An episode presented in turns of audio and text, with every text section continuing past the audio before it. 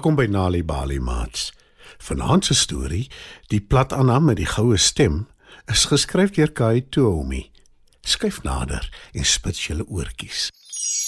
Plat Anna is 'n plat padda met gewebde pote wat hou om te sing. En alhoewel niemand haar nog ooit doorsing het nie, het sy 'n lieflike stem. Sy sing gereeld op haar eie in haar modderhuisie langs 'n hoop nat blare by die rivier. Sy sing onder die water wanneer sy tussen die waterlelies swem en sy sing haarself elke aand aan die slaap met net die sterre wat haar hoor. In die bosveld waar plat Anna bly, hou die voëls elke maand in 'n groot doringboom 'n sangkompetisie om te besluit watter voël die beste stem het en die mooiste sing. Voëls is natuurlik bekend daarvoor dat hulle mooi kan sing en hulle is almal trots daarop. Hulle sien almal altyd uit na die kompetisie wat bekend staan as die goue stem. Tydens die kompetisie kry elke voël 'n beurt om te sing en word dan deur die ander voëls beoordeel. Die een met die meeste stemme wen die kompetisie.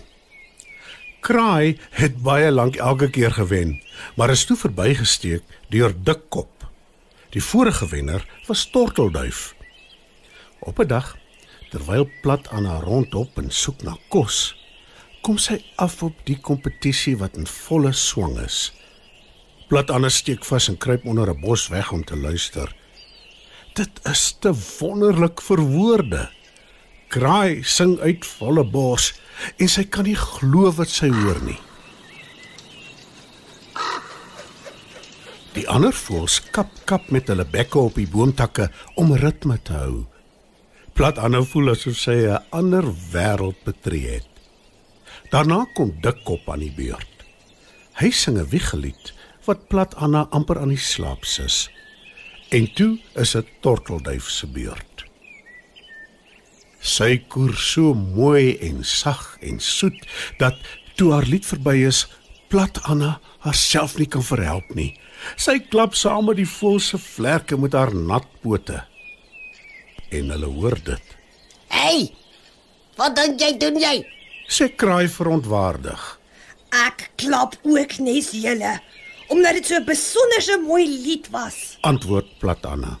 Natuurlik was dit. Maar dis 'n kompetisie vir voëls.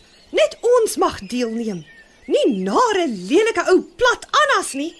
Sy tortelduif uit die hoogte. Die ander voëls lag lekker. En arme plat Anna kry baie skaam.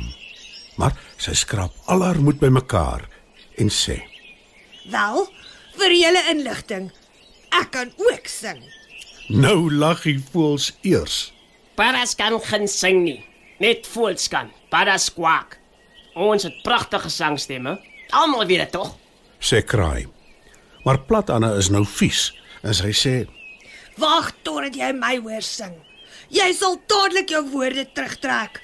Of as jy voels bang om my te laat deelneem aan julle kompetisie. Waarvoor sal ons bang wees vir jou platane? sê Dikkop. Julle is bang ek sal julle uitstof. Sê Platana. Nonsens. Roep kraai. Nou ja.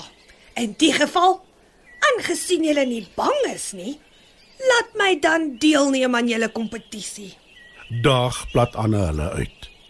Die kraai Die dikkop en die tortelduif kyk na mekaar. Toe vlieg hulle weg om plat Anna se voorstel te bespreek. Hulle stem saam dat die kompetisie net vir voëls is, maar aan die ander kant, dit sal seker nie kwaad doen om die padda te laat deelneem nie. Is dit asof sy ooit kan wen nie? sê dikkop. Toe vlieg die drie terug na waar plat Anna vir hulle wag. Nou goed, padda, sê tortelduif. My naam is Plat Anna sê plat Anna vies. Nou goed dan, plat Anna. Jy kan in ons volgende kompetisie sing, solank jy op jou eie in die boom kan klim. Want dit is waar ons deelneem. Sê Tortelduif.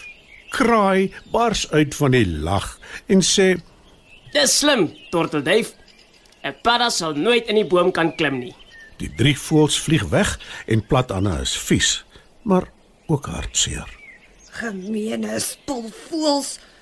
Ek sal julle wys. Sê plat Anna terwyl sy terugop na haar modderhuisie toe. Dae en dae lank dink plat Anna aan hoe sy dit gaan regkry om in die boom te klim. Sy weet haar nat gewebde pote is nie gemaak vir boomklim nie. Die volgende paar weke soek sy oral in die modder na iets wat haar dalk sal kan help om tog te kan boomklim. Sy probeer om varings aan haar pote te bind om haar te help daarmee. Maar dit werk nie.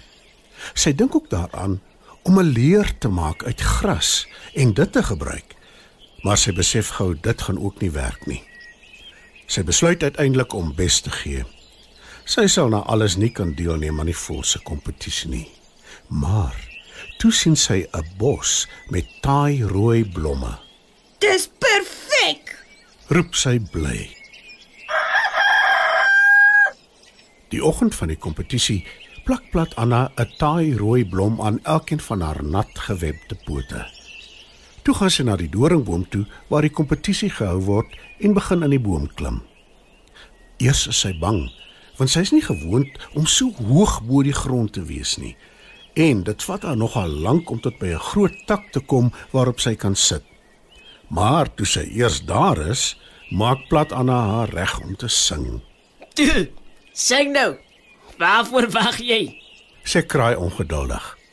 Hy is verbaas om haar daar te sien, want hy het nie gedink sy sou in die boom kon klim nie.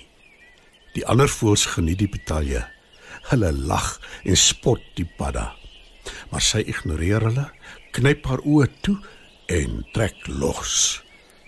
Alwaarens sy dink terwyl sy sing, is haar modderhuisie, die diep water van die rivier en die sterre snags. Plat Anna sing uit volle bors en een na die ander voel hou op lag. Sy sing so mooi dat toe sy klaar is, kraai, dikkop en tortelduif voor haar op die tak gaan sit en 'n buiging maak. Toe sit hulle die kroon van die wenner op haar kop. Ah, oh, ons was verkeerd. Jy verdien om die wenner van die kompetisie te wees, plat Anna met die goue stem. sê kraai. Plat Anna gaan nooit weer terug na die doringboom toe nie. En sy klim nooit weer daarin om deel te neem aan die volse kompetisie nie. Sy verkies haar modderhuisie en die rivier en die sterre snags.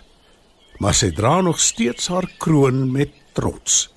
En sy dink gereeld terug aan die dag toe sy die voëls 'n les geleer het en aan hulle bewys het hoe mooi sy wat plat Anna is kan sing. Dit was ons Nali Bali storie vir vanaand. Die plat Anna met die goue stem is geskryf deur Kai Tuomi. Die storie is aangebied deur die Nali Bali lees vir Genotveldtog in samewerking met SABC Education. Mamma, wanneer ons by die huis kom, gaan ek my nuwe biblioteekboek in ons leeshoekie bære. Dis 'n goeie idee, seun. Ek sal my biblioteekboeke ook daar sit. Skep 'n spesiale plek in jou huis waar jou kinders hulle boeke kan bære en maklik kan bykom. Het jy 'n storie om te vertel? Stuur jou storie in enige amptelike taal na stories@nalibali.org en dit kan dalk gepubliseer word. Nalibali. Dit begin met 'n storie.